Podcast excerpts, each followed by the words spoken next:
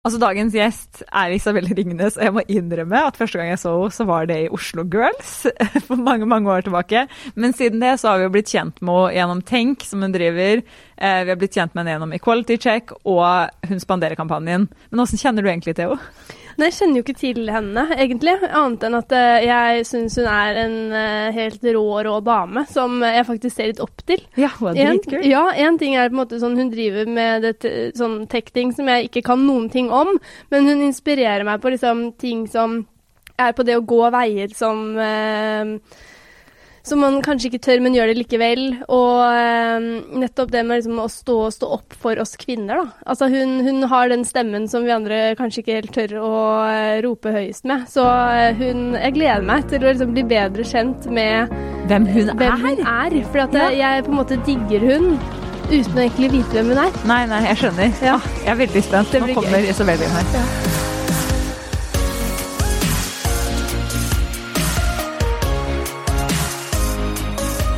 Velkommen i studio, Isabel. Tusen hjertelig takk, Julie. Det er så kult at du er her. Du, det syns jeg òg. Det er helt fantastisk å se mennesker igjen etter å ha vært innelåst i nærmere tre måneder, eller i hvert fall to. Mm. Eh, man går jo litt i surr. Dagene går i ett. Går i, ett mm. eh, I forbindelse med korona. Så det er bare helt strålende å være her, altså. Mm. Ja, for du har et hjemmekontor ja, nå. Ja, et hjemmekontor. Mm. Hvor mange er det som egentlig pleier å være på kontoret når dere er på jobb? Eh, vi er jo seks ansatte i selskapet, men så er vi på et sånt co-working space som heter Share i Myntgata. Så, eh, så der er det jo stappfullt av folk. Mm. Eh, og nå har jeg vært innom et par ganger for å hente noen ting, og nå er det ingen. Altså kanskje én person ja. på hele hele bygget, mm. som er svært. Så det er litt sånn ghost town, så det, ikke, det frister ikke veldig å sitte der, egentlig. Mm. Men hvordan er det sånn eh, er, Har det vært litt sånn eh, Vet ikke hvordan jeg skal si det, men sånn peak for deg i den perioden her, sånn Får du liksom nå endelig vist hvor viktig teknologi er, på en måte? ja, det kan du si. Altså, det er jo mange som har påpekt det at uh, samfunnet digitaliseres på speed akkurat nå. Ja. Uh, og at det som ville tatt fem år, har nå tatt to måneder. Mm. Eh, så sånn sett så syns jeg jo det er veldig, veldig bra. Eh, det som ikke er så bra med det, er at man ikke helt rekker å te tenke over konsekvensene av en del ting som man iverksetter fordi at man har dårlig tid og det presser på.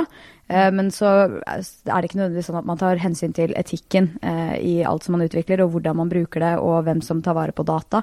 Eh, et mm. eksempel er jo Smittestopp-appen, som er blitt snakket om mye. Mm. Men det er jo en, en, en ny måte å spore folk på. Jeg tror mm. ganske mange ble overrasket i utgangspunktet over at de hadde kontroll over våre mobiltelefoner koblet opp mot basestasjoner rundt omkring i Norge. Det, det var ganske mange som fikk litt sjokk av. Mm.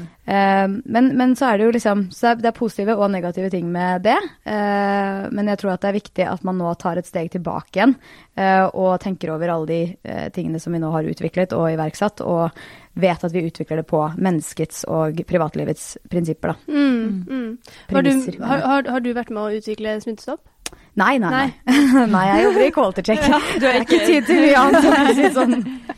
Men, men uh, bare, har du oppdaga liksom noen nye sider ved deg selv den siste perioden? Har, føler du på en måte det har vært et sånn uh, for, for, noen så har det vært litt sånn der uh, Man oppdager sånn Jøss, jeg er ikke så god på å sitte hjemme i lange perioder. Ja. man bare savner rare ting og sånn. Har du hatt noen av de øyeblikka? Ja, snarere motsatt. Jeg er nok blitt bekymret av at uh, jeg syns jo faktisk det er helt topp å være hjemme og på en måte Jeg har jo egentlig et veldig hektisk liv. Mye reising. Flere ganger i uken, foredrag, mye adrenalin. Det er liksom veldig mye greier. Mm. Uh, og så plutselig så var det bare stopp fra en dag til en annen. Og det kjentes egentlig ganske deilig. Mm. Altså, jeg ville jo ikke hatt det sånn resten av livet, fordi mm eh, på en måte det store bildet, så vil, vil, jeg jo oppnå mer enn å sitte hjemme. Mm. Men det er jo klart at dette har jo vært en fantastisk pauseknapp for, mm. for mange. Noen har jo ikke opplevd det slik, men mm. for min egen del så har jeg syntes at det har vært utrolig deilig å ta morgenkaffen hjemme, jobbe i pysjamas, ikke mm. bruke sminke lenger. Eh, jeg har lånt masse hunder, så jeg har masse hunder som løper rundt hjemme. Og liksom, livet mitt handler om å lufte de og sørge for at de har det bra og kose med de. Så jeg har egentlig bare hatt det helt fantastisk fantastisk. Ja. Mm. ja, men det er litt sånn eh, vi Vendra gjestet for noen uker siden, og hun sa det samme, at det er nesten blitt sånn der påtvunget uh, pause. Mm -hmm. Sånn pust i bakken. At uh, ja, nei, Selv men de nå, som er glad i et hektisk ja, liv, liksom. Nå må vi faktisk uh, slappe av litt. ja, faktisk. Og så kan man jo tenke Jeg er veldig spent på om man lærer noe av dette. Om man da lærer at ok, det var kanskje sunt å kjøre eh, livet på litt andre eh, Eller på et litt annet tempo. Mm. fordele ting litt bedre utover. Eh, om man, om man liksom sitter igjen med noe etter dette, eller om man bare da går rett tilbake igjen til der man var, og kanskje enda verre. Statistisk sett så tar jo eh, Eller så øker jo aktiviteten mer etter sånne downturns, liksom. Når man kommer eh, opp igjen til normalen. Så vi får se hva det blir til. Men jeg bare ble litt sånn nysgjerrig på det med hundene. Hva slags hunder er det du som er favoritten, liksom? Eh, jeg er veldig glad i små hunder, eh, men jeg er glad i alle hunder. Men eh, små hunder er mine favoritter. Og så passet jeg tilfeldigvis en liten Det var en bitte liten chihuahua som var sånn dvergchihuahua, som var sånn såpass livredd på folk. Jeg var livredd for folk, liksom. Og så klarte jeg å liksom omvende den til at ble jeg glad i meg igjen, og så savnet jeg den så sykt. Det var som den verste kjærlighetssorgen jeg noensinne har hatt når den dro, liksom. Jeg bare oh. Livet føltes så tomt. Jeg, var liksom sånn, jeg fikk ikke sove, bare lå og tenkte på den. Og så postet jeg på Instagram sånn derre Kjære alle sammen. Jeg savner hunden min så mye, liksom. Eller ikke min hund, det er jo noen andres hund. Eh, hvis dere har en hund som trenger pass, jeg stiller meg herved til disposisjon. Og så var det så mange hjertelige sjeler som sendte melding med bilde av sin hund og bare 'pass når som helst'. Så jeg bare oh my god. Så da var det egentlig bare å line opp kalenderen med ulike hunder. Eh, Yes. Så nå passer jeg egentlig bare randoms, eller ikke randoms nå lenger, da, men eh, liksom eh, vennlige sjeler sine hunder eh, som da har lånt de ut til meg. Så Yes. akkurat nå har jeg en Havapu hjemme hos meg som heter Albert. Så, så koronaen har faktisk eh, deg til å eller gjort deg om til en sånn der hundebarnepass? Ja, men jeg har alltid vært egentlig veldig glad i hunder. Jeg jobbet jo i sånn animal shelter i New York og hadde en liten hund eh, som dessverre ble drept av en annen hund.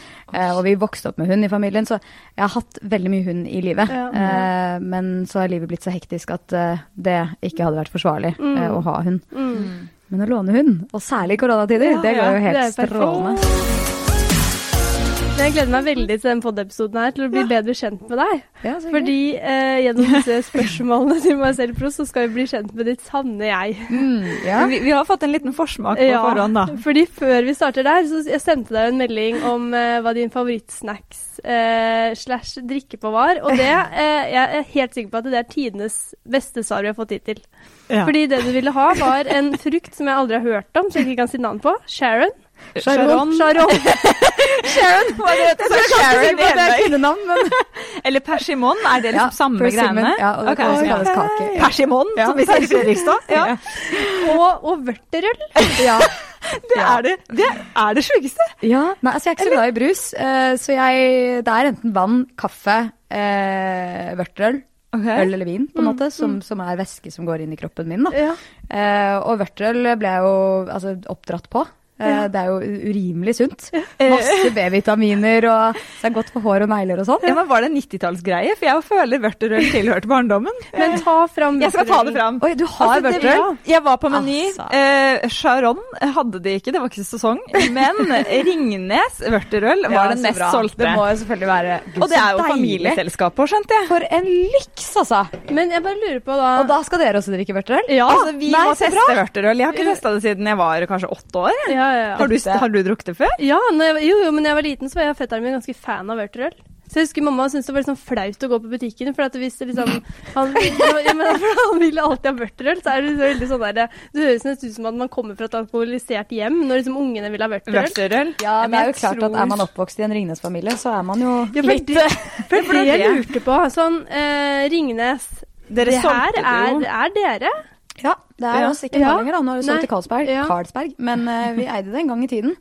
Så var det noen som starta det, ja. Er Men det var det, var det alt av brus hjemme da? Altså, hvordan var det? Ja, hadde, ja, men det? det ble solgt av eh, Det siste ble vel solgt av min bestefar. Ja, ikke Eh, sant. de siste andelene der. Eh, men vi hadde mye brus og mye øl og mye vørterøl hjemme. Det hang igjen, liksom? Ja, det hang igjen eh, lenge. Og så er vi jo veldig stolte av, av den historien som ligger i, i dette merket, i denne merkevaren. Da. Så det, vi drikker jo fortsatt godt med Ringnes og Ja, Ringnes for, vørterøl. kunne du kjøpt noe annet enn Ringnes? Ja, dessverre så gjør jeg det. Fordi jeg, selv om jeg syns at Ringnes øl er godt, så må jeg si at jeg er veldig glad i IPA. Ja. Og veldig glad i korona. Ja. Det er sånn basic bitch-drikk. Men eh, jeg syns det er helt fantastisk eh, godt, eh, og kanskje enda litt bedre enn Ringnes Ja, ja. Men, uh, Men på vørterølen så er det. Fordi altså på Meny, den jeg handler på, der er de ganske sånn bestemt på hva som er bra og ikke. Og når Ringnes vørterølen ble anbefalt, da ble jeg sånn jøss. For da, da er det det beste, liksom. Mm. Så Men la oss skåle i eh, Skål. vørterøl. Ja, nå har jeg, Ja, bare kastet meg på med en gang. Ja, men skål, Ok, og tusen hjertelig takk. her ble det full fest. Nå skal vi altså sette i gang. Ja. Eh, med å bli kjent med Isabel eh, Det er Kristine Ringnes. Ja, men Mm. jeg bruker veldig sjelden Kristine. Ja, så Isabel Ringnes Sanne jeg. Det, det er greit. Og første spørsmål er Hva tenker du på om dagen? Eh, oi, det er jo mye man tenker på om dagen. Altså, det helt naturlige svaret her er jo at man tenker på hva skjer etter korona. Mm. Hvordan blir det å gå tilbake igjen til det vanlige samfunnet? Kommer det til å være forskjellig? Kommer det ikke til å være forskjellig? Eh, hva endrer seg? Og så tenker jeg jo mye på fremtiden generelt, da, i mitt private liv, liksom. Hvor skal det gå? Man er jo i 30-årene, og liksom, hva, hva skal man gjøre med barn og hus og alt det der eh, rælet der, holdt jeg på å si. og så er det jo selvfølgelig selskapet vårt, da, i Quality Check, som Marie og jeg driver sammen. Det tar jo ja, 90% av eh, tankekapasiteten min. Mm. Eh, det er mye jobb, og det er masse utfordringer, og, men det er veldig veldig spennende. Men det er det jeg tenker på, da. Mm. For det er, det, er, så sjukt kult, og, eh, og det er liksom sånn eh, Hvor gammel er du? Eh, 31. 31 år. Eh, og så er det jo Hva er det for noe? Du er på nummer ti. Som eh, Hvordan var den kåringen? Det var, de var en kåring over de største tech-kvinnene i Norden.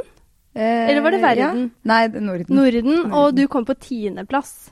Eh, ja. Altså, det er jo dritkult. Altså, eh, og jeg kom, med en gang måte, du begynte å si det her, så tenkte jeg på Vi har jo ikke introdusert deg. For at eh, du står jo bak eh, altså, selskapet Equality, Equality Check. Equality check. Ja. Eh, og den Hun spanderer-kampanjen. Ja. Og eh, Tenk. ja. Mm. Eh, hva var det som på en måte gjorde at du begynte å inter eh, interessere deg i liksom, teknologi, Å gå den retningen, liksom. Slash- Ja, for det har jeg lurt på også. eh, liksom likestilling, kan jeg si det? Ja, eh, ja, man kan jo si det. Um, det er jo sammensatt, og jeg tror altså, likestillingsdelen kommer jo fra at jeg, lot veldig, altså, jeg var veldig observant som barn, lot merke til hvordan jenter og gutter ble behandlet annerledes, og ikke nødvendigvis bare i min familie, men sånn generelt i samfunnet. Eh, og i media, og altså, bare hvordan barn lekte. Altså, jeg så på en måte bare alle de eh, kanskje kall det ubevisste forskjellene veldig tidlig, uten at jeg visste at det egentlig var eh, kjønnsdiskriminering, hvis man skal kalle det det. Mm. Eh, Eller kjønnsstereotypier som, eh, som gjorde at man ble behandlet annerledes. Eh, og så var det nok Altså, teknologifascinasjonen kom når jeg eh, Altså, jeg begynte jo først å jobbe i VG etter å ha gått på BI. Altså, jeg, jeg, BI, eh, fin skole i seg, men jeg passer ikke i økonomiverden. Jeg syns det er ekstremt kjedelig. Mm. Eh, så jeg bare eh, Snakkes aldri. Eh, og så begynte jeg å jobbe i VG, eh, og da opplevde jeg 22. juli. Som selvfølgelig var eh, veldig eh, tragisk. Og Jobba du i VG under Jean Drulli? ja. Oi. Eh, så, og, og i den perioden så ble jeg jo Jeg var både Den sommeren så var på en måte VG gjennom en sånn digitaliseringsprosess hvor man skulle begynne å prioritere nettavisen over eh, Papir, ja. papiravisen. Og liksom, for det var jo alltid sånn at nyhetene først kom ut i papir, og så kom det ut på nett. Og så var det at man skulle slå sammen de eh, ulike avdelingene. Det var mye sånn digitaliseringsprosesser som foregikk der. Og så samtidig så så jeg under 22. juli hvor det var liksom så enormt informasjonsbehov som det gjerne er under kriser, og som vi også har sett under korona. Så var på en måte den derre det, Internett eh, og den måten å kommunisere på og den måten å få informasjon på så raskt, eh, det var helt nytt. Det var på en måte første gang, i hvert fall i Norge, vi oppdaget eller så hvor viktig det var i et medieperspektiv. Det inspirerte meg til å studere, mm, eller ta en master i media management i New York, eh, og der fikk jeg på en måte virkelig blod på tann innenfor teknologi, fordi det var bare Der var liksom et helt Altså verdens største by, på en måte, i hub, fullstendig liksom, om, uh, omvikling, liksom, hvor man yeah. var på en måte on the forefront av alt som var i ferd med å bli digitalisert. Altså alle mulige prosesser som vi i dag egentlig ikke tenker over at var veldig fysiske før, ble på en måte digitaliserte, og det, ble, det skjedde der. Og det var da liksom Uber kom til markedet. Jeg skulle være mm. første som prøvde Uber, på en måte. Og liksom eh, Ja, altså alt av eh, grocery shopping og on demand-ting og alle mulige apper som vi kjenner i dag. Tinder. Altså alt dette her var liksom i ferd med å komme. Så vi var, liksom, samfunnet var i ferd med å bli skrevet. Og så så jeg liksom parallellene av hvordan teknologi påvirker ikke bare media, men nesten alle mulige bransjer og industrier. Og det syns jeg var bare helt sinnssykt spennende og fascinerende, og ville bare kaste meg inn i det. Men jeg tenker sånn derre eh, På liksom sko... Altså studere teknologi eh, og liksom eh, jobbe med det sånn. Det er ikke så mye Det er ikke mange kvinner. Nei, dessverre. Ja. Veldig få.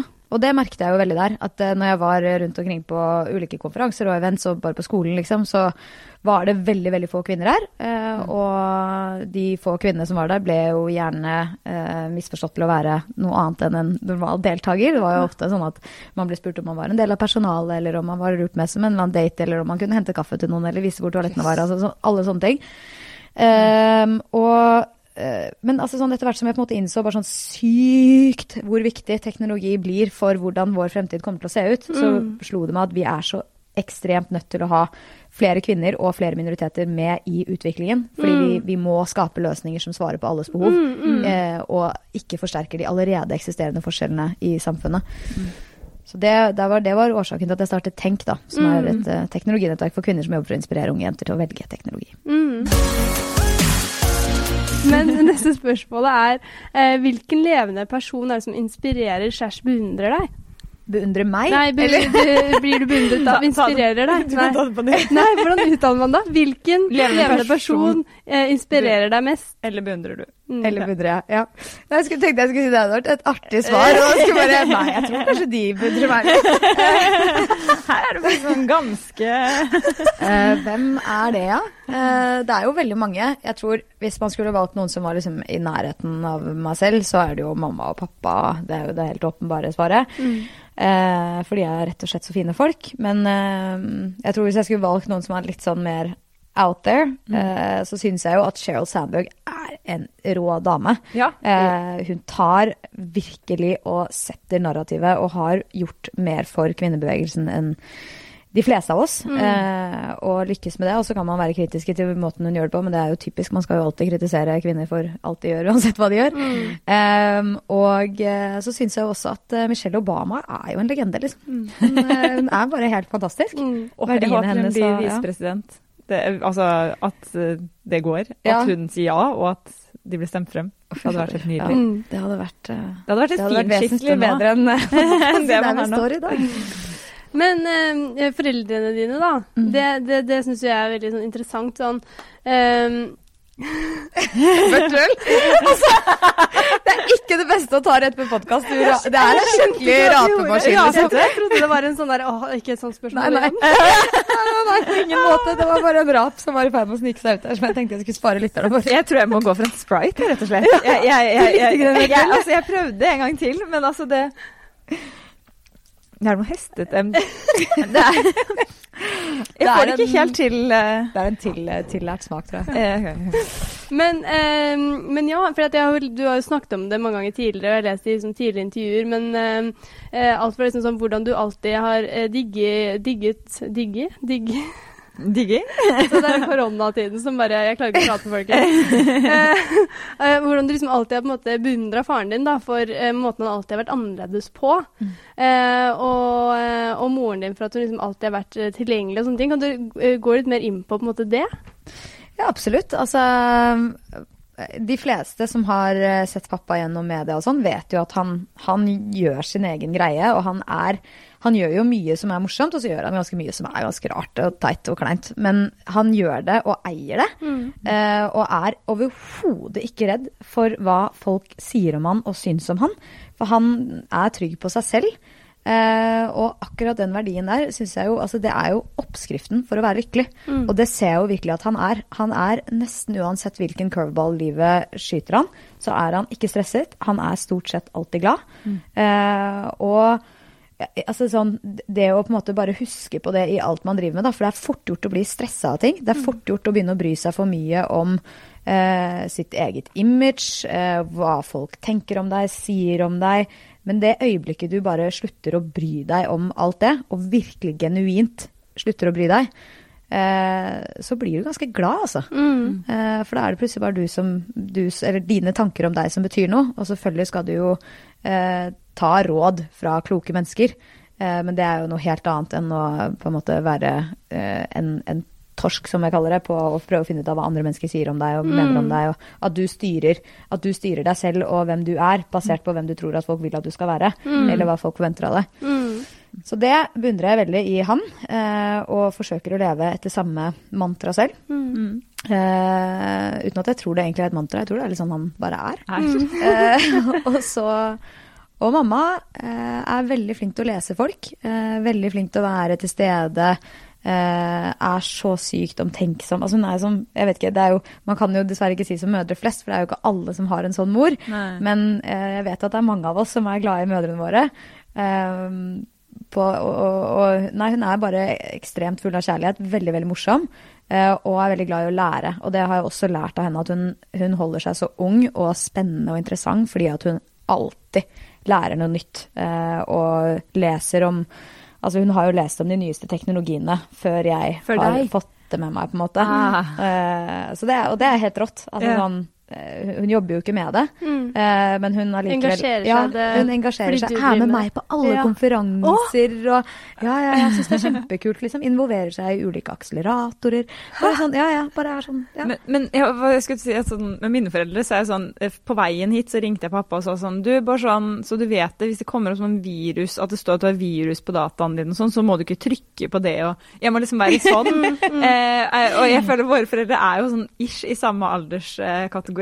Ja. Har du ikke noe sånn med foreldrene dine hvor du liksom hvor du må på en måte oppdatere dem litt? Jo, eh, 100 og det det er helt riktig. Eh, så sånn konseptuelt så er mamma ganske eh, rå på teknologi og nye trender og sånne ting, men sånn når det kommer til sånne phishing-ting og sånn, så er jeg altså veldig påpa påpasselig med Jeg ble senest for, forsøkt dette her i går, eh, men veldig, veldig påpasselig da, på å passe på at hun ikke Altså at hun bruker tofaktor på alt, at hun Ja. har ulike passord, at hun har liksom sånn og sånn krypter... Altså sånn veldig mange sånne ting. Ja. For det er jo så fort gjort eh, at man trykker på noe gærent, fordi de blir jo bedre og bedre og bedre. og bedre. Ja. Mm. Eh, og særlig pappa. Men han er jo bare, han, han løser dette her med å bare ikke ha noen kontor. Han har ikke noen kontor.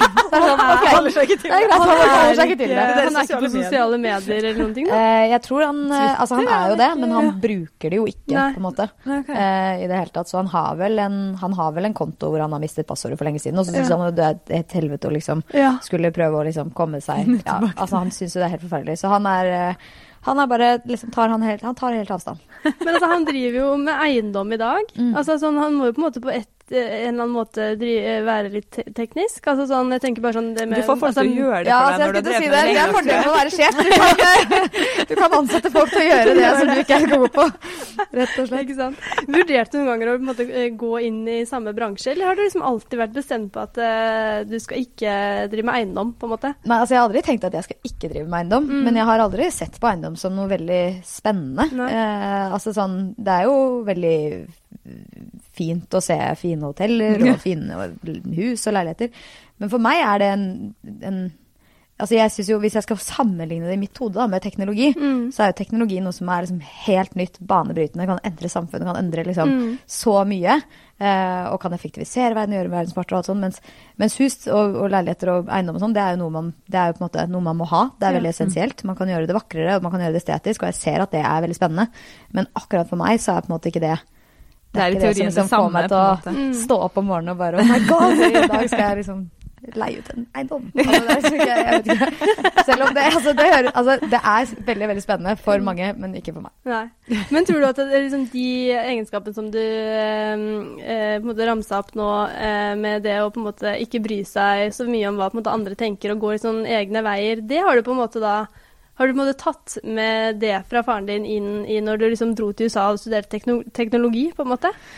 Ja, altså nå føler jeg jo at jeg har, jeg har tatt noen valg hvor jeg eh, definitivt eh, kunne tenkt at andre tenker at det var kanskje ikke så smart. Eh, for eksempel så var jeg med på Oslo Girls, liksom. Det skjønner jeg. Men det å dra til USA og ta en master tenker jeg at folk forventer på en eller annen måte. Det er ikke noe sånn at eh, det er så innmari å gå sin egen vei, føler jeg. Det da. var vilt, liksom. Eh, nei, det var ikke så vilt. Men jeg tror nok du har helt rett i det at altså, jeg forsøker så godt jeg bare klarer å minne meg selv på hele tiden at jeg ikke bryr meg så mye. Mm. Og det klarer jeg ganske godt så lenge jeg har på en måte en trygg standy. Altså sånn at jeg har et godt forhold til familien min, at jeg vet at jeg liksom har gode venner rundt meg. At liksom mange ting er stabilt i livet. At du liksom har på en måte noen ben å stå på. Mm. Da er det veldig lett å på en måte bare kjenne seg trygg i seg. Og så er det jo det at når man når man stort sett er god mot absolutt alle, da, eh, og ønsker alle vel, så er det jo ikke så mye å bekymre seg over, egentlig. Hvis det er noen som da ikke liker deg, så er jo ikke det noe du kan gjøre noe med. Mm. Og hvis, hvis alle liker deg, så er du jo ikke en ekte person. Mm. Eh, du, du, altså, ja, du, da er du jo falsk på en eller annen måte, fordi noen vil jo alltid være uenig i dine synspunkter.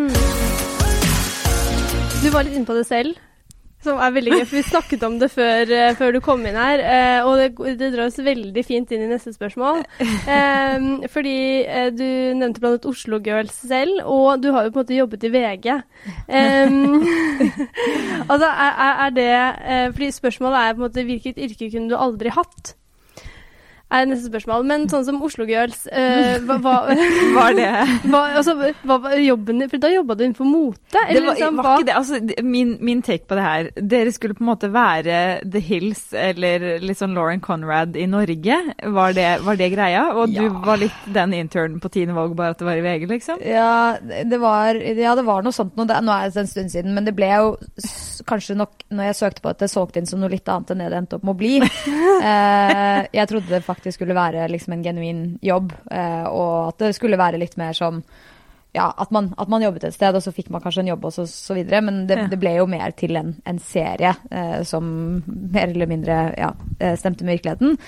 Eh, og eh, ja. Eh, og så Og så begynte jeg jo, og så fikk jeg, og så søkte jeg jo om sommerjobb.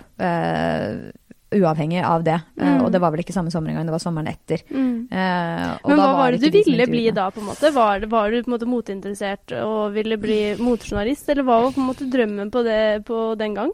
Ja, nei, altså jeg syns jo at det var spennende. Mm. Eh, og det er jo litt sånn fordi at jeg syns jo at alt er spennende til en viss grad, liksom. Mm. Og jeg var jo innom veldig mye. Altså jeg har jo både studert skuespill og ernæring og eh, psykologi og økonomi og vært journalist og jobbet med markedsføring og, eh, og, eh, ja, og, og da eh, mote. Så jeg har jo gjort veldig mye ulike ting. Mm. Um, men uh, Og det er ikke liksom Men, men altså, sånn jeg skjønte altså, Jeg tror jo at for å finne ut om man ikke vil gjøre noe, så er det jo den aller beste måten å finne ut av det på, er jo å prøve. Og gjør det. Ja. Så, og så kunne jeg jo gjort det på andre måter. Men jeg har jo Jeg tror nok jeg har et gen i meg som også ligner på min far sitt. Altså, vi liker jo å by på oss sjæl. Eh, og det var kanskje ikke den smarteste måten å gjøre det på, men det var jo eh, noe som var spennende med det òg. Altså Ja. å Men det altså, det når. Oslo liksom. Girls kom ut, det var jo dritkult. Det var alle snakka om Jeg det. syns Altså- ikke det var så kult. Syns du ikke det? Jeg syns det var ganske dårlig serie. Altså, men, jeg, eh, men, men jeg satt og fulgte med liksom sånn, og var sånn eh, skikkelig Oslo Girls-fan. Så har vi sett i ettertid, og det er ettertid man på en måte har, har ledd av det fordi at Nei, Sier du det? Nei, men, også fordi at det er liksom sånn derre eh, Da var det jo kult fordi at eh, teknologien på en måte på sånne serier hadde jo liksom Altså det var Det ikke bare noen det at sånne det fantes en sånn type ja, serie. Ja, det var liksom jo en av de første i Norge, på en måte. Ja. Sånn at hvis Oslo Girls hadde blitt lagt på nytt i dag, så hadde det jo ikke blitt sånn. Nei. Nei, høyst sannsynlig ikke. Men, men Eh, hadde du takka ja hvis du hadde skjønt hva det ble til, på en måte? Uh, nei, det hadde jeg nok ikke. Det er, det er, vet du, det er veldig vanskelig å si, fordi på en måte så fikk jeg jo en bestevenninne ut av det, Astrid Mm. Lysson. eh, og vi er jo veldig gode venner en dag i dag. Eh, og den andre tingen Altså, man lærte jo veldig mye av det. Man lærte jo liksom hvordan det var å ha A, 15 minutes of fame, liksom. Ja. Og håndtere media. Jeg gikk jo på nok uh, ganske mange smeller der. Og, og det å på en måte eh, ja, altså jobbe i mediehus og jobbe med TV og produksjon og det å på en måte bevare sin egen integritet oppi alt sammen. Og, så det var jo ganske mange ting man lærte som jeg ikke nødvendigvis ville vært foruten. Det var sånn veldig rask innføring i veldig mye på en gang. Ja, ekstremt, altså. Bratt læringskurve. Men er det ofte noe som blir dratt opp i sånne sosiale Er det sånn hver bursdag, så er det alltid en som publiserer et videoklipp fra Oslo Girl? Altså sånn, er det sånn? Altså, det er skuffende sjelden. Det er det. ingen Men jeg, altså, jeg tror ikke at noen av mine venner egentlig så noe særlig på Åh, det. På det, Jeg tror ikke de syns det var så veldig gøy. Altså, Nei. det var jo litt sånn ha-ha lol, men det var ikke sånn at de syntes det var spennende og fulgte Ja, med på det. på en måte. Så de var sånn 'Jeg har sett en episode, altså. Det var veldig gøy, altså'. Ja. Jeg er sånn som fortsatt, hvis jeg går på gata og Natalie Helgerud går forbi meg, så er jeg sånn Å, det er hun fra Oslo, Oslo Girls. Girls. Så gøy. Jo, men, men det var liksom en stor greie for oss. Jeg vet ikke hvorfor, men det ble en sånn Og så kan det godt hende at vi den gangen også hadde en litt sånn ironisk distanse til det. Det, det husker jeg ikke, Nei. men, men uh, Det tror ikke jeg vi det hadde. var liksom Nei, det hadde ikke dere. Det gjort. sånn, etter at det kom på TV, så var det sånn alle hadde lyst til å uh, få intern i L, ikke sant? Ja, nei, eh, ja, i, og VG, hva heter det, i min, min måte. Ja, det var vel en sesong to, så da var det vel kanskje Ja. Ja, ja, ja. Stemmer. I hvilke anledninger lyver du? Altså, jeg er ekstremt dårlig på å lyve. Virkelig helt forferdelig dårlig på å lyve. Eh, hvis, det, hvis det er noe liksom ordentlig, på en måte, Ja. så klarer jeg det bare ikke. Um, Får du sånn lyvetryne, da? Får helt sånn Jeg bare Det, jeg, det går ikke. Liksom, jeg er nesten absolutt altså, alt- jeg er, Klarer ikke å lyve. Åssen Eh, er det sånn at du liksom må eh, force Jeg litt klarer sånn ikke å se, se folk altså, Jeg blir skjelven og blir altså, sånn, jeg, Det er nesten så jeg ikke prøver engang, for jeg bare vet at det går til Og så syns jeg det er så sykt flaut å bli tatt i en løgn. Og så bare tanken på det. Og det tror jeg kommer sikkert fra barndommen, at jeg blir blitt tatt i en løgn eller to, eller noe sånt, og så bare Ja, har den sant? følelsen vært så forferdelig at jeg på en måte har lært at det skal du aldri gjøre. Mm. Ja. Eh, Men ikke sånn små engang? Ikke sånn der eh, 'Å, den var Jo, fin'. er du gæren? Og det Sånn. er jo noe litt annet. Altså Ja. hvite løgner. Man, man, man, man lyver jo gjerne for å la være å gjøre noen lei seg, på en måte. Ja. Mm, Eh, og det gjør man jo hele tiden. For det er jo litt sånn at hvis en venninne sier sånn 'herregud, jeg føler at jeg ser så trøtt ut'. Mm. Nei, nei, nei, nei. Du ser ikke trøtt ut i det hele tatt, liksom. Du ser dritbra ut, nå går vi ut og har det gøy. Ja. Istedenfor å bare Ja, faktisk, du ser Du ser skikkelig kjørt ut, liksom. Sikker på at ikke du skal legge deg i kveld. Altså, det Så det er jo sånn, sånne ting er jo helt opplagt at man egentlig bør lyve om, tenker jeg. Mm. Det er jo ingen som vinner på det. Nei. At man skal være ærlig der. Tenker jeg. Hvem eller hva er ditt livs største kjærlighet? Um, my dog. Eh, Peik. Um, Bikkja som jeg hadde, som jeg fortalte om, som ble drept. Mm. Det var um, Jeg hadde lyst på hund hele mitt liv, så fikk jeg, det, så fikk jeg ikke lov til å ha det. Ringte pappa hver dag i fem år og la Oi! igjen beskjed på svareren. For han tar aldri telefonen. Så var det sånn Hei, pappa, jeg vil ha hund. Klem. og Nei, så det var er det liksom det. Og så fikk jeg fortsatt ikke hund. Hvor gammel var du da? Eh, nei, fra sånn 13 til 18, liksom. Og det er så flytta jeg ut da jeg var 18, da, og da kjøpte jeg hund med en gang. Men, men ble den drept av en annen hund? Det er veldig brutalt. Ja, det var ganske Det var ganske Det var, det var faktisk helt sykt kjipt. Hva skjedde, liksom? Det, kan, Eh, må du, det det var faktisk 22. juli, eh, når jeg jobba i VG og hele den dagen der. Eh, så det var noen andre som passa den eh, den dagen. Og så, etter at det her hadde utspilt seg, og vi satt og så på TV-en, så fikk jeg en telefon fra de om at den hadde vært ute og lekt med en større hund. Og så ble den da bitt. Så da måtte jeg liksom si ha det på telefonen. Nei, det var helt Det var så trist. Altså sånn, Jeg gråt og gråt og gråt i flere uker.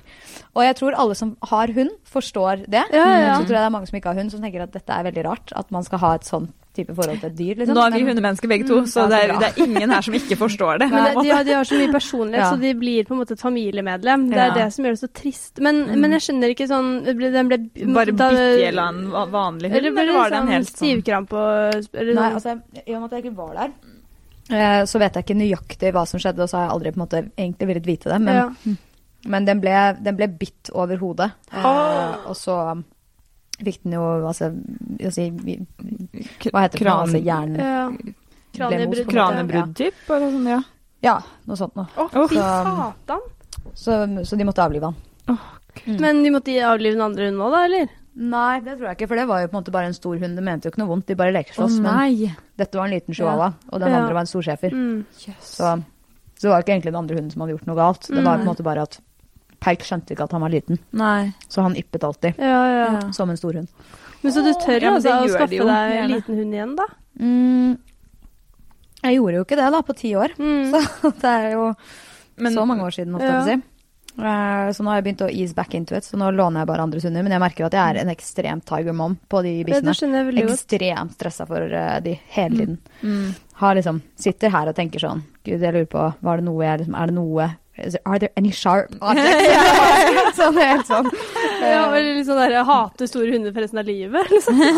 Nei da, altså det er jo ikke Det var jo ikke den hunden sin skyld, på en måte. Man må bare være litt påpasselig med det, for det er jo Ja. noen hunder som på en Mm. måte brått blir helt sånn Ja, ja. Men du var jo du eh, var litt inne på det i stad angående hva tenker du på om dagen? At det liksom sånn korona, men også dette med liksom at eh, med barn, eh, hus og alt det der. Um, du forlova deg i februar i fjor, gjorde du ikke det? Eh, ja, det Ja. gjorde jeg. Og så har dere jo ja, Og så har dere jo utsatt bryllupet mm, på en måte mer Det viste seg jo å være veldig flaks, da. For det Ja. kunne vi jo ikke hatt nå Nei, uansett. ikke sant? Så det var jo bra. Men, eh, men er det liksom sånn at eh, kommer jobben til å komme foran alt for alltid, tror du? Eller eh, eh, har du liksom Du sa selv at du på en måte tenker på liksom fremtiden sånn eh, Planlegger dere barn? Altså har bryllupet på en måte blitt eh, viktigere enn det det var i fjor? Altså sånn hvor, eh, hvor står du i løypa nå? Ja, eh, Nei, altså jobben er ikke viktigere enn alt. Jobben er veldig viktig, og nå er den viktig for Altså nå er jeg på en måte på et sted i livet hvor den kan prioriteres. Mm. Jeg innser jo at jeg vil jo ha barn på et eller annet tidspunkt, og de vil være viktigere. Ja. Eh, og da vil altså, og, og det som er at vi er i en oppstartsfase, Mm. så da er det jo det er jo nå det teller. Det er jo nå vi gir, gir jernet, liksom. Og så kan man jo ansette folk som er flinkere enn seg selv til å gjøre de jobbene man gjør i dag. Og da blir det forhåpentligvis mindre jobb. Eh, men, eh, men i dag så gjør man jo absolutt alt. Eh, og så tenker jeg jo at et bryllup er veldig hyggelig og veldig fint, men man er i veldig mange bryllup nå om dagen. Det er alle, alle venninnene skal gifte seg. Eh, så det jo, blir jo fem bryllup hver, hvert år. Men Føler du at det ikke blir like spesielt, eller hva, tenker Nei, du? men altså man kjenner litt på at sånn man, man har jo det bryllupet pga. festen, da. Mm, det er i hvert ja. fall mitt mm. forhold til det. Jeg har ikke noe jeg har ikke noe sånn konservativ følelse av at å, jeg må, ha, jeg må gifte meg før jeg får barn. Altså, Nei, det nei. kunne jeg jo ikke brydd meg mindre om, liksom. Så for meg var det sånn, ok, hvis vi skal planlegge et bryllup nå, så er det Vi merka jo det, for vi begynte jo på det. Mm. Kjempestress og masse jobb som jeg egentlig liksom ikke syns er verdt å prioritere, fordi Ja, det er ikke så viktig. Mm, ja, det er ikke så viktig for meg, da, eh, det bryllupet. Og så er det jo veldig hyggelig å være forlovet, da. mm. Eh, og det er jo eh, Det er jo ikke noe hast. Livet er jo langt. Mm. Så å gifte seg nå bare for å gjøre det, når det ikke passer inn i livet ellers, så er det jo sånn why? Mm. Hvorfor, bare vente, eller hvorfor ikke vente til man har litt mindre å gjøre? Mm. Ja, det er jo eh, veldig fornuftig. Men jeg Men- føler det sier så mye sånn mm, Vi har hatt flere som, har, eh, som planlegger bryllup eller har gifta seg i poden. Mm. Og jeg føler det sier så mye om en person liksom, hva slags bryllup de ser for seg. Hva er det liksom du har sett for deg når du har sett for deg det? på en måte? Uh, jeg ser for meg enten eller, på en måte. Enten sånn minilite, Mm. uh, hvor det er litt sånn nesten eloping, på en måte. Det bare Ja. er meg og han og en eller annen prest i Vegas, liksom. Ja. Eh, eller Prest i Vegas! Nei da, whatever, Nå tenkte jeg sånn gå til rådhuset, typ. Ja, gå til rådhuset et eller altså, Ja, ja, et eller annet enkelt, da. Eh, bare for å liksom For kanskje man kommer til et stadie hvor man er sånn OK, greit, nei, men nå hadde det vært veldig hyggelig å gifte seg av, av liksom løfte å- til hverandre, på en måte. Mm. Uh, og at man da bare gjør det litt enkelt. Uh, men sånn egentlig så er jo jeg en person som er altfor mye. Uh, så, så jeg ville nok, eh, ville nok hatt verdens Altså ikke verdens største bryllup, men jeg ville hatt et ganske stort bryllup Ja. med mye, mye greier, liksom. Ja, ja. Sånn- Å, det er gøy! Er det liksom snakk om sånn leie slott? Nei, altså ja, altså vi vurderte, eller ikke leie et slott, men vi vurderte jo å gifte oss i Santorini. Et Oi! sted som jeg aldri har vært. Har du aldri vært Nei, altså dette er Jeg sånn jeg begynte bryllupsplanlegging, liksom. Ja. Jeg bare satte i gang dagen etter. Santorini Eh, til sett Santorini, jeg hadde booket alt, jeg hadde bare fikset alt på sånn typ tre dager. Og så var det bare sånn Oh my god, vi, det går jo ikke fly til Santorini, liksom. Så, og bare, ok, det å leie hotell der koster sånn 7000 kroner natten. Altså ting bare begynte å Altså reality started to liksom, hit me in the face. Bare, reality dette her, eh, Ja, ja. Dette var bare sett de bildene av den der fine utsikten. Ja, bare bare ser helt perfekt ut, vet du. Men, eh, men ja, nei, så det Jeg ser for meg du hadde leid inn hunder som skulle løpe ned Ja. middagen, duer som var synkronisert. Ja, Alt var ordna. Alt var da. Hvor lenge har dere vært sammen? Eh, vi møttes eh, 25. mai 2017. Oi, det var veldig sånn dato. Ja. Hva, hva skjedde Det var akkurat en uke etter 17. mai. Ja, ja. Ja, jeg, husker det. jeg husker det sånn, eh, ja. Som 25. mai pleier å være. Ja. som, ja. Det pleier, pleier å være det, i hvert fall. Det er så morsomt, for alle svarene dine er veldig sånn møteaktige. Sånn, nei, det var 25. mai 2017. en uke etter 17. mai. jeg tror jeg er litt for vant til å sitte i sånne møter hvor ting skal være ekstremt konkret og rett ned. Og, ja. Svaret kommer. Um, ja, nei, det var 25. mai. Vi traff hverandre på Salt i Oslo. Oi, på, Yes. er, det, er ikke det som badstue? Jo, Ja. men vi tok ikke badstue. Det var ikke badstue. Jo, det var badstue der da. Ja. Det stemmer, altså. Jo da, det var veldig hyggelig. Fordi det. vi møtte hverandre på Tinder. Ja, det er det jeg skulle nei, si. det. Ironisk nok så Ja. var jo det også over noe eh, teknologisk. Ja, det Ja. var det. Jeg visste på en måte at jeg kom til å treffe min fremtidige mann gjennom en app. Ja, du trodde det? Jeg hadde Oi. veldig det på følelsen. Ja. Men Åssen var det da? Dere, dere møttes eh, først på Happen og så på Salt, på en måte? Eller Eh, ja. Ja, ja. Mm. ja. Ja, nei, det hadde Ja, nei, jeg. Vi møttes først på happen, på Happen, og eh. så møttes vi på Salt, og så Ja. var det på en måte i gang. Da Ja. var det Da var det iverksatt. Mm. Så det var veldig, veldig stas. Det, og så tror jeg man kommer i en alder hvor man er litt sånn Ja, nå er jeg litt ferdig med å date. Eh, nå, Mm. nå, nå kan vi begynne å se etter det som skal vare. Mm. Men du, du slår meg litt som sånn Ja. Nei, ja. Ja, bare fortsett, du. Nei, du slår meg liksom sånn som som vært sånn Ja ja, nå er jeg blitt 30, nå får jeg kanskje liksom tenke på det, på en måte. Du, du virker jo ikke som Du har vært veldig sånn derre Nei, nå blir det mann og barn og Oi, nå, du, nå skal du høre, for det er den største misforståelsen du noensinne har Er det sant? Herregud. Jeg flyttet hjem fra New York, og da var jeg sånn OK. Eh, Hvor gammel var du da? År. Da var jeg eh, 28. Okay, Og da var jeg sånn, ok, greit, nå skal jeg jobbe Nei, jeg var mindre enn det. Jeg var 25 eller 26. Og så var jeg sånn, nå skal jeg jobbe to år, og så skal jeg For da skal jeg reise med Skipsted og være trainee og bo i Stockholm og London og San Francisco og så. Og så var jeg sånn Da jeg flyttet hjem fra Oslo da, da nei, fra London da, da var jeg sånn, ok, nå skal jeg ha mann. Oi! Så da var det bare sånn, ok, hvordan får man mann? Da må du ut og date. Ja. Du kan ikke sitte der og bare jeg treffer ingen'. Du Nei. må ut og treffe. Så da var jeg mye ute, Var det og jeg var mye på apper. og jeg- jeg si. ja, Mye. og jeg hadde mye jobb. Så det var Altså, jeg lina opp de datene så ut i granskauen mye. Altså, det var bare Jeg ser på meg at du hadde sånn sjekkhefte òg. Sånn altså, sånn, Nesten Nei da. Det, var ikke- det var ikke systematisert, men det var ganske mange dates. Eh, og gjerne liksom av og til flere på en dag og sånn. Men hva var det med på en måte en kjæreste og nå forlovede som på en måte hva, Det er, det Bjørn Erik han heter? Bjørn Eirik? Eh, Bjørn Erik. Ja. Eller Bjørnepus, da. Bjørnepus. Hva var det med han som på en måte gjorde at, å, at dette var riktig? Ehm, nei, altså det, det er jo litt sånn at eh, den som ender opp med å være riktig, ofte er alt det du ikke trodde at var det du ville ha. måte. Mm, Uh, men eh, det jeg likte veldig godt med han, er at han har en fantastisk uh, humor. Er veldig full av energi og skøyerleker. Og så er han veldig annerledes enn meg. Eh, og det likte jeg, å bli tatt litt ut av den derre boblen min hvor liksom alt er teknologi og fremtid og liksom likestilling og forandre verden. Og, mm. og så er han kanskje liksom Han er litt, litt ikke så sånn, liksom. Så, han eh, drar meg litt ned på jorda noen ganger, mm. og det syns jeg egentlig er litt eh, fint. Mm. Hva er det han Um, driver med, egentlig? Han driver sitt eget selskap, men eh, det er innenfor regnskapsføring. Så det er jo på en måte Det var det du syntes var ganske kjedelig. drevet med, for å si det sånn. Så ja. Men eh, så han, han, vet jo hvordan det er å være gründer, da. Så Mm. den, den, den erfaringen deler vi jo. Mm. Det med å bygge et selskap. Ja.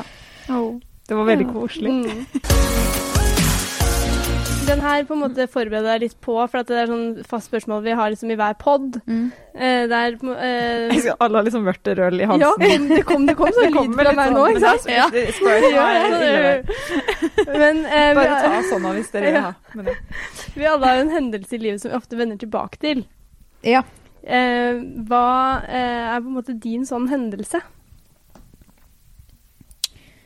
Jeg husker at du sa dette her eh, spørsmålet i går, og jeg, jeg husker at jeg tenkte det, det finner jeg ut av. Og så er den gått meg hus forbi. Men, eh, nei, men er det liksom en drøm, på en måte? Eller er det, Det kan være hva liksom- som helst. Det kan liksom være sånn en setning som ble sagt på barneskolen som du fortsatt liksom tenker på, skjønner du? Oh, ja, sånn sett, ja. eller eller Ja. en eh, veldig fin uh, periode i livet som har prega deg resten, eller noe trist som på en måte har lært deg Det kan være hva som helst, da, men noe som du på en måte Mm. fortsatt ha- har i livet ditt, da, skjønner du? Ja. Um, ja, det er jo mange sånne uh, ting som folk har sagt som henger uh, ved meg. Jeg husker f.eks. mamma sa alltid på barneskolen at uh, 'sticks and stones will break your bones, but words, words will never harm you'. Eh, og det husker jeg hun sa, fordi at av og til så ble jeg mobbet i skolegården, og jeg var veldig sånn som skulle stå opp for alle de svake, litt sånn aktivist der òg, da. Mm. Men det endte jo med at jeg også ble litt sånn mobbet i skolegården eh, på en barnslig måte, da. Så det er Mm. ikke sånn at jeg kalte meg et mobbeoffer. Men da husker jeg at hun sa mye av det. Mm. Eh, og det husker jeg at jeg tok med meg videre, og det tenker jeg ofte på, fordi det kan på en måte overføres også i i liksom den sammenhengen som vi var inne på før, om at man ikke skal bry seg så veldig mye om Mm. alle de ordene man får, og alt det dritet som sies, hvis det sies drit. Ehm, og så husker jeg at professoren min eh, en dag sa, for han var veldig overbevist om at jeg kommer til å starte noe selv, og ikke nødvendigvis jobbe hos noen, og da husker jeg at han sa Why build someone else's dream when you can build your own? Ja. Eh, og da, og det, det har liksom hengt litt ved. Ehm, Så det har du som sånn på veggen hjemme. Så har du Skikkelig sånn cheesy Instagram. Eh, nei, jeg har ikke Kanskje jeg skal male en gang. Jeg tror ikke Bjørn hadde vært så happy med det, egentlig. Men eh, nei. Men, Ja. nei, men, men det er jo noe, noen sånne quotes kan på en måte treffe deg akkurat Ja. der du trenger, og, og det var en sånn, et sånn Ja. øyeblikk for deg. Og pappa har også alltid sagt 'hjelp deg selv, det har du av fuglen lært', som også er et sånt random Nei, så ordtak. Men det er veldig sant. da. Han har alltid vært veldig sånn med kidsa. Mm. Fiks det sjæl. Finn det ut av det. Han har aldri fikset noe for oss, liksom. Aldri. Hjulpet oss med noe, ingenting. Altså, sånn, det høres ut som han er forferdelig, men sånn, på en måte så har det vært veldig bra, da. For Ja. vi har aldri fått noe gratis hjelp av han på en måte, på noe. Noe. Mm. Eh, og det har vært så egentlig veldig bra, fordi at man har- virkelig lært å ordne opp for seg sjøl, da. Mm. Men, men har du slitt med at folk har ehm, vært motsatt, på en måte? At de har sagt at hun får bare hjelp av faren sin, eller at det har vært sånn typ? Ja, det er nok mange fordommer forbundet med det. At folk tenker sånn ja, ja, men du får vel sikkert alt eh, Mm. som du ber om, på en måte.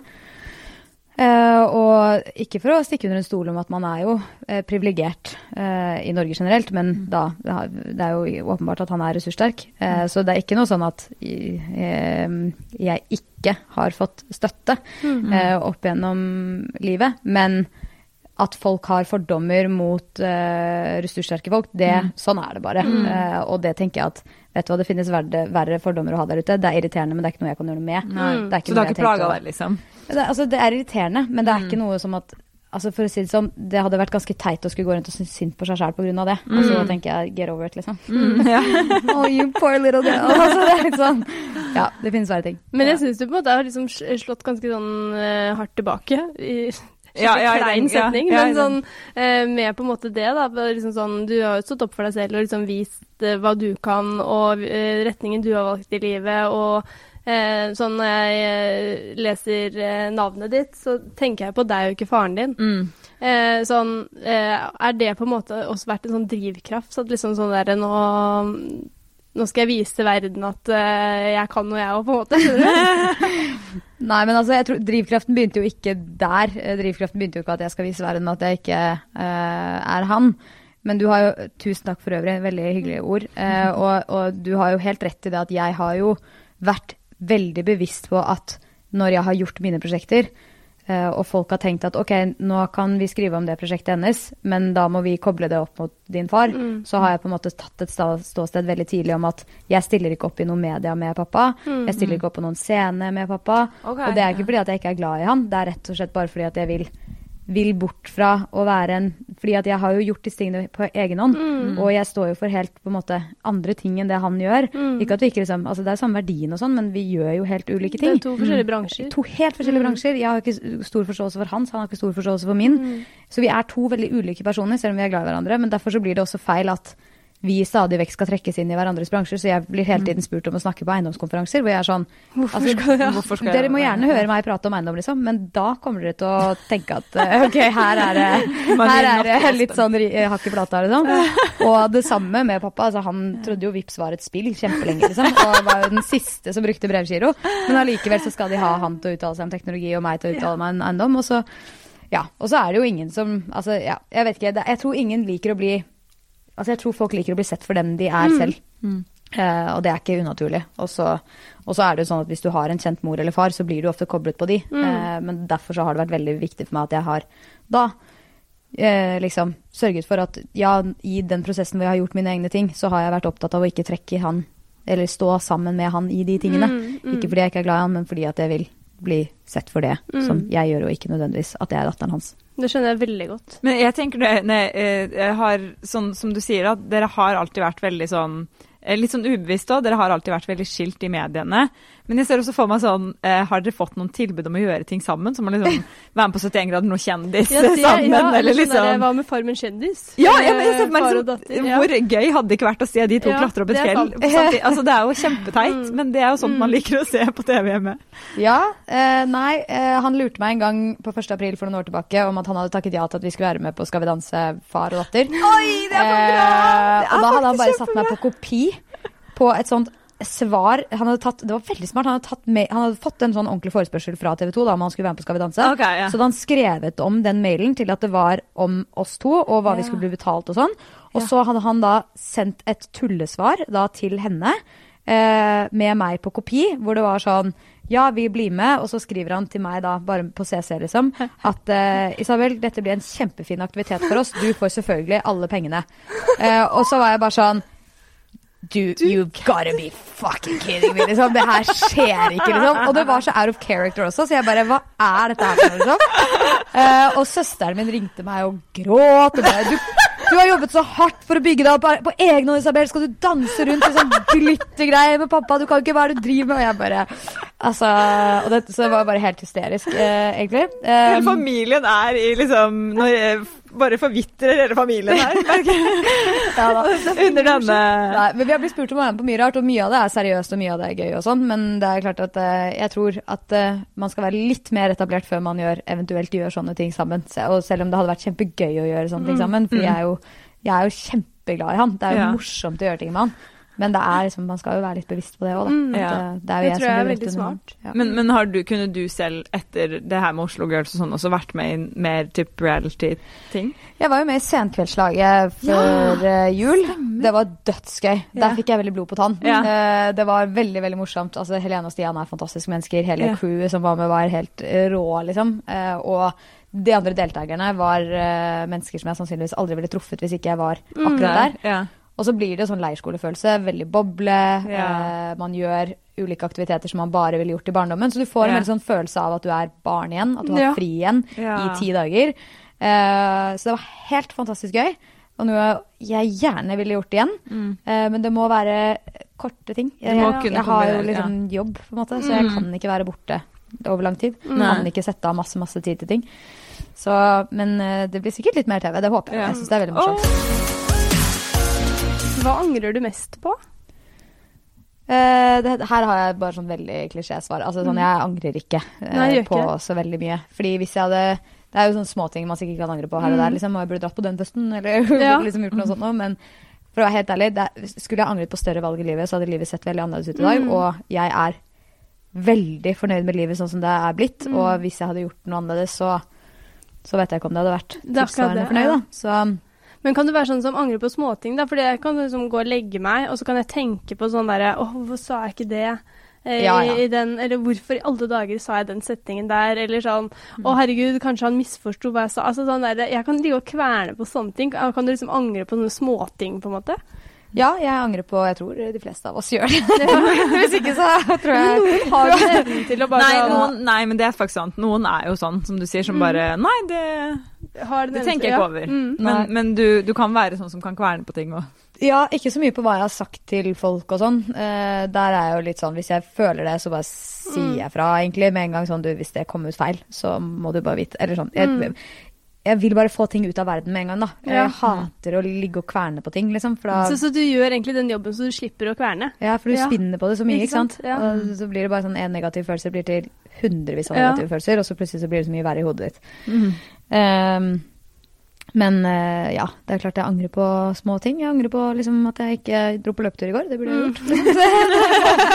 men da var det plutselig så kom kjæresten min med et glass vin, og da var jeg sånn Det glasset så godt ut. Det så, det så bedre ut enn å løpe ut i regnet nå, egentlig. Så da ble det det. Ja.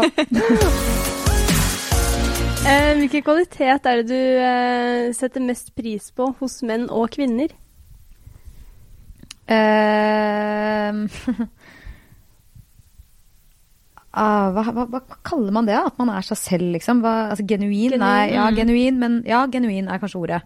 Eh, at man ikke er selvhøytidelig. Mm. Mm. Eh, eller at man har selvironi, da. Mm. Det er jo helt fantastisk med folk som har selvironi, liksom. Mm. Ehm, og i det er jo, ligger jo kanskje at man er morsomme. Og så er det jo fint om folk er snille, da. Ja. Men det er jo ikke noe sånn Altså, ikke alle må være snille for at man er venn, eller sånn. Så. Nei. Men det, kanskje, men samme det, altså, det er mange fine folk der ute som kanskje ikke er snille er liksom det sterkeste egenskapet. De kan være kanskje egoistiske eller egosentriske Ja. eller hvordan de nå er, men de kan jo være veldig genuine av den grunn. Altså, hvis Ja. man eier hvem man er, da, Mm. så kommer man jo nesten unna med Ja. alt, liksom. Ja, men faktisk. Ja. Faktisk, for vi liker jo det. Vi liker jo det å kjenne på at uh, det man ser, er det man får. Mm. Hvordan tror du liksom, Hvis kjæresten din skulle beskrevet deg, da, hvilke ord ville han brukt da? Utålmodig, det er det første. Eh, det er jo min verste egenskap, liksom. Eh, ja, alltid på, liksom. Ja. Uh, tror jeg han ville sagt. Eh, og så bare Han liker jo å si at jeg Hva er han? Too much, liksom? Crazy? Too- Altså, too much? Ja. Eh, han kaller meg alltid det. At det er sånn derre You're something. Eller sånn. Han, bare, han syns på en måte at jeg bare er rar, da. Ja, Med ja. veldig mye av tingene jeg gjør og hvordan jeg lever, liksom. Er ikke det koselig? Jo, det er koselig. Altså. Eller sånn, ja, men Det å være rar er jo det hyggeligste, på en måte. Eller sånn, ja. Ja, på en måte så, På en måte. på en måte så er det det. Selv om jeg ikke alltid helt skjønner hva det er. Jeg er kanskje så rar at jeg skjønner Ja. ikke helt hva det er jeg gjør som er rart, men så påpeker Men han litt eksentrisk på en måte også, kanskje? Ja, Ja. ja. Men sånn som det med eh, Vi snakket om det i heisen, så jeg tenkte ikke å ta det opp her, men du har skada hånda di. Ja, det har jeg Ja. lurt på nå. Ja. Hva har skjedd? Nei, det er ikke så veldig dramatisk. Vi var på piknik i parken med jobben på mandag, og så, så var det litt kaldt, da. Og så hadde vi hatt en engangsgrill stående oppå en sånn stenplate, eller ikke en stenplate, men sånn ja, sølv et eller annet plate. Og så tok de av den engangsgrillen, og så kjente jeg litt på siden, og da var det sånn Å, den var deilig og varm. Og da Ja. istedenfor å på en måte bare kjenne meg litt innover, Ja. så tok da den kortsiktige hjernen min og bare plasserte hånda rett oppå grillen. Og så tenkte jeg liksom ikke over at det faktisk var helt sjukt å gjøre før jeg hørte lyden av min egen hud som svidde av. Bare, du bare hørte sånn Og jeg var sånn Oh my god! My hand! Eh, og da følte jeg meg først bare helt sinnssykt dum, for det var alle mine ansatte som bare så på og bare Gjorde hun akkurat det? Ja. Hvor dum går det an å bli, liksom? Men Altså, er det litt sånn der av at du er utålmodig, på en måte? At du bare, ja, Eh, ja, sånn. ja, veldig. Altså, jeg veldig var det jeg forklarte det med. At det er sånn, I do this all the time, because uh, vi er, snakker jo engelsk i selskapet. Men eh, I'm not very careful. Altså, jeg, er ikke veldig, jeg er ikke forsiktig måte, i det hele tatt med noe jeg gjør. Det er liksom bare kjøre på. Tydeligvis, når du innleda historien med å si at nei, det var ikke noe særlig, det var ikke noe spesielt, liksom. Så bare, OK, du har bare brent opp Nei da, men det var jo ikke noe alvorlig. Altså, jeg har gjort mye verre ting enn det. Eh, så det var jo Dette var jo en liten, en liten flis. Men vi er eh, ved veis ende eh, ved den poden. Ja. Og vi har Ved den poden. det, der, er- det der vi driver med her, egentlig. Det spørsmålet er krever et litt sånn innledningsspørsmål. Eller Ja, men, sånn men jeg bare må si nå, siden Ja. du nevnte at du er litt sånn fan av Fredrik Solvang, så er jeg også litt redd for at vi Ja, skal det stille dette spørsmålet nå. Fordi Fredrik Solvang slakta jo dette spørsmålet. ja, og bare, han syntes ikke det var noe morsomt. Han bare, det anbefaler jeg dere å droppe. Å gud, nå ble jeg veldig spent. Ja, nå må dere jo ja, stille det. Men det er lov å si at det er kleint, altså, fordi vi syns uh, selv nå, tydeligvis. Ok, Men altså, det skal ganske mye til for at jeg syns noe er kleint. Ja, Så hvis jeg syns dette er kleint, så er det kleint. Altså. er litt sånn litt sånn svulstig, litt sånn, ja. Ja, han syntes det var et kleint spørsmål. Men vi må ja. Men jeg er jo for så vidt enig i det. Men, men før jeg stiller det, er, er du religiøs? Nei. Ikke i det hele tatt? Nei, ateist. Mm. Er, er det sånn 25. mai. Ateist. Jeg elsker det. Takk meg, så veldig. Men er du døpt og konfirmert sånn, på en Ja, måte? det er jeg. så det er sånn Du ser på det mer som tradisjon? På en Ja, måte? Ja. tradisjon. Mm.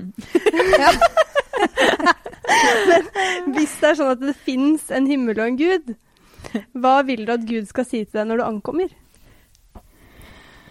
Eh, Nå kan moroa virkelig begynne. Ja. Det hadde vært fint om han sa. Ja. Eller hun sa, mener jeg. ja. Ja. Ja, for da for Jeg tror jo eller sånn Jeg vil jo tenke at etter at man dør, så er det liksom Nå har du vært igjennom prøvelsen. Nå skal du bare njute på, liksom. Mm. Kom til et liv hvor alt går på skinner. Alt og er som bare, bryllupsfest i Santorini, Ja. på en måte. ja, Ja. hele tiden, liksom. Hunder og Hunder bare overalt. Eller at det er en sånn derre Ja, at det bare er en eh, slags verden som er eh, personalisert til eh, hver av oss. Ja. Mm. Oi, det det hadde beste. Ja. Vi hadde livet på å finne ut av det. Ja, ja. Og gjøre Og så, og så er det på en måte perfectly crafted når du kommer dit. Så Men det der man- er skikkelig ekkelt. For at jeg fikk sånn, det, er sånn, Noen ganger så begynner man å tenke over sånn meningen med livet, og hva er liv, og sånne ting. Og så kommer en sånn heftig, sånn dyp greie der det var sånn Men hva om eh, jeg bare er meg? Og at alle Altså, al altså dere på en måte egentlig ikke eksisterer, men jeg tror at dere gjør det. Skjønner du? Ja. Ja. Den er det vel mange Den føler jeg har hørt før. Ja, At det er en sånn ja, og da blir jeg sånn Men herregud, for, for en, et helt episk spill, på en måte. Sånn, ja. Det er ganske sjukt hvis Ja. man først begynner å somle seg inn Ja. i Og sånn simul at liksom simuleringsverdener og filosofi rundt dette her. Og sånn at jeg ser på det her som en brus, at den er gul. Mm. Og så er vi enige, opp, enige om at den er gul. Gul. Ja. Men, for de, men, men for deg er den egentlig grønn, men grønn for deg heter gul. Mm. Skjønner du?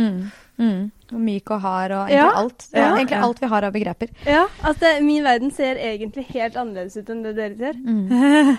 Det er for helt ja, men det er altså. kjempeekkelt. Mm. Tenker du sånn innimellom? Uh, jeg tenker ikke mye på akkurat det. uh, det er ikke sånn at jeg sitter her og er livredd for at dere egentlig syns det er noe helt annet. Sånn.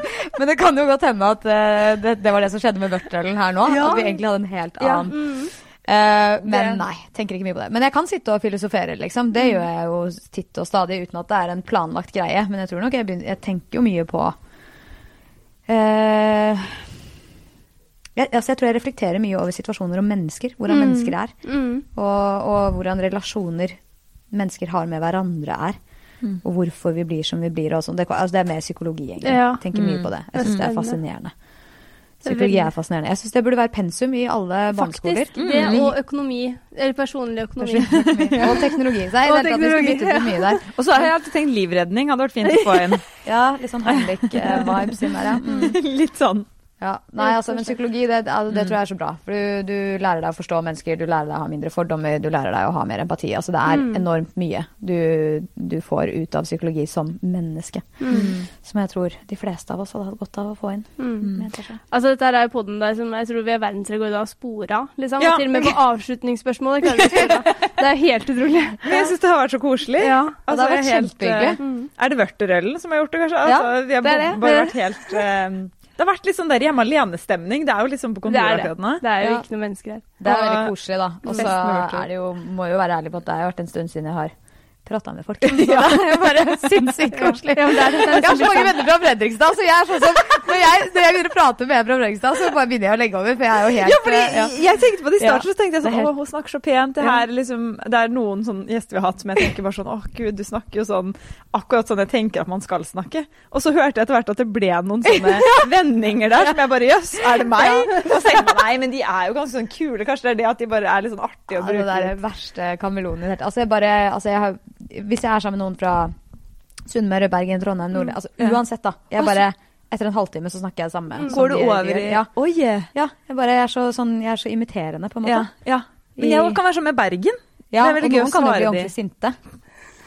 De syns ikke det er så gøy at en eller annen skal sitte der og Men det er virkelig ikke ment for å være morsom. Det er rett og slett bare fordi at jeg syns det er så usannsynlig hyggelig å prate sa- samme språk, da. Ja, det er sånn, eller samme dialekt, på en måte. Jeg var jo fra Fredrikstad. Samme dialekt. Hvordan er det man sier ha det på Fredrikstad? Pregas. Preg, ok, men da, men da prekes vi, da. Pregas. vi pregas. Vi prekes. Du, tusen takk for meg. Det var veldig hyggelig.